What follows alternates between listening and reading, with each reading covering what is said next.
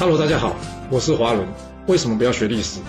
因为学历史会让你了解到顶层阶级的思考方式，成为他们的竞争者，所以他不希望你去学。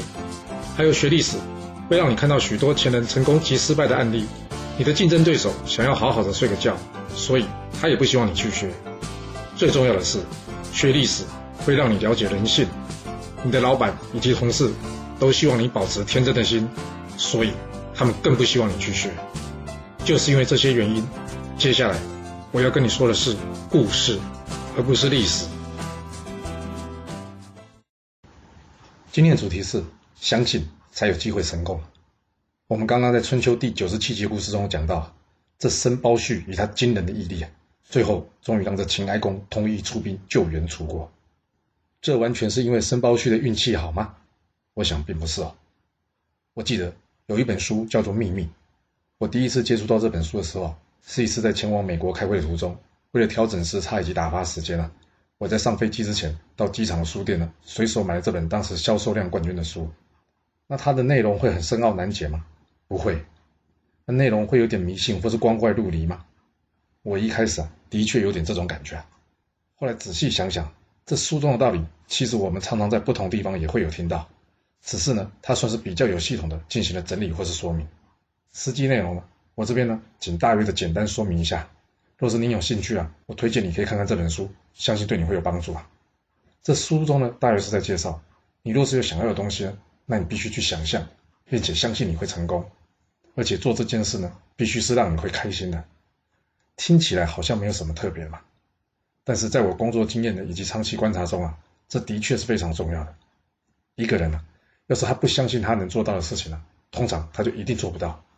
因为呢，他会一直跟你说，哎，这个不行，那个不行的，而不是什么要怎样做才行，或什么怎么样做才能。套句常常听到就是什么，失败的人找借口，成功的人找方法。或许有人会说，嗯，你说的简单，很多事情是因为你没有真的去做。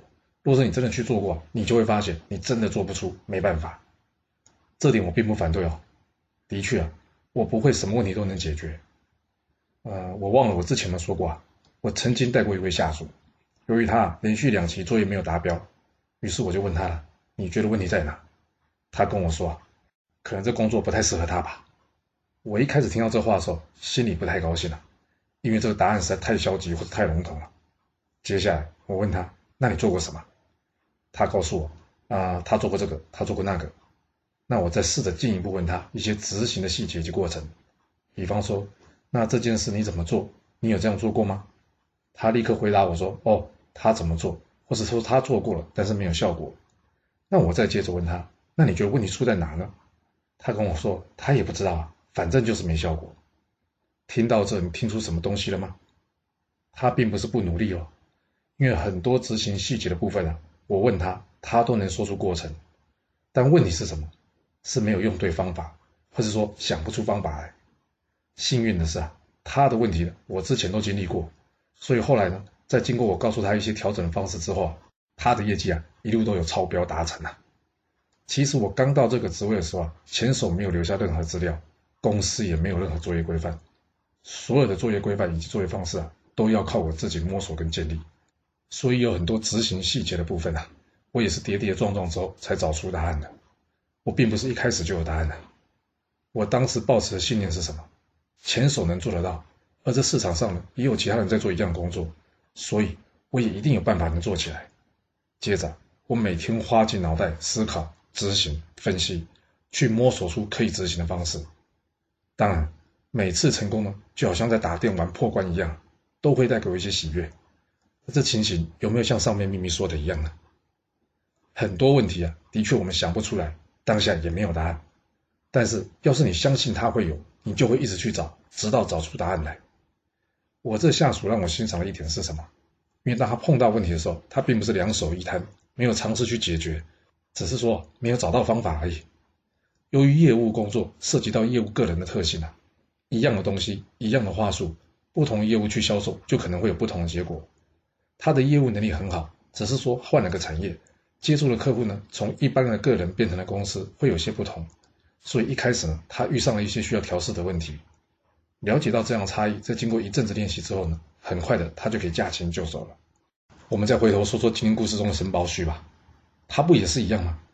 他就是想要帮助楚国复国，有了这个明确的目标之后，他也相信自己会成功。接着是什么？就是找方法或者找资源帮助自己成功啊。他想到楚国有秦国这个亲戚可以帮忙，所以他跑去找这秦哀公。那申包胥有像齐国燕一样能言善道吗？看起来并没有。后他能做的是什么？就是坚持到底啊。或许啊，你会说这当中的确还是有一点点运气的成分，但不是有一句话是这么说的吗？就是幸运的女神啊，只会出现在坚持到底的人的身边。所以就算是运气好啊，那不也是他坚持到底的结果吗？要是你是公司主管，或是你在选择伙伴啊，有一个条件可以提供您参考，那就是你要找的人啊，当他面对问题的时候，他通常会说这个做不到，那个做不到。还是做这件事情需要什么东西或者什么条件才能做得到？一般来说，会给后面这个答案的人，通常是比较积极的人，你说是吧？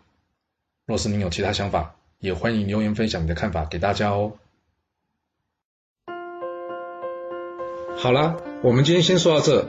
如果你就是不听我的劝，想知道完整版的故事内容，你可以从说明栏找到我爱故事频道的连结。不过记住哦。你是来听故事的，而不是来学历史的。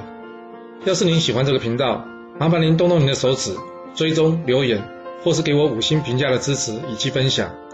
谢谢您来收听，我们下次再见。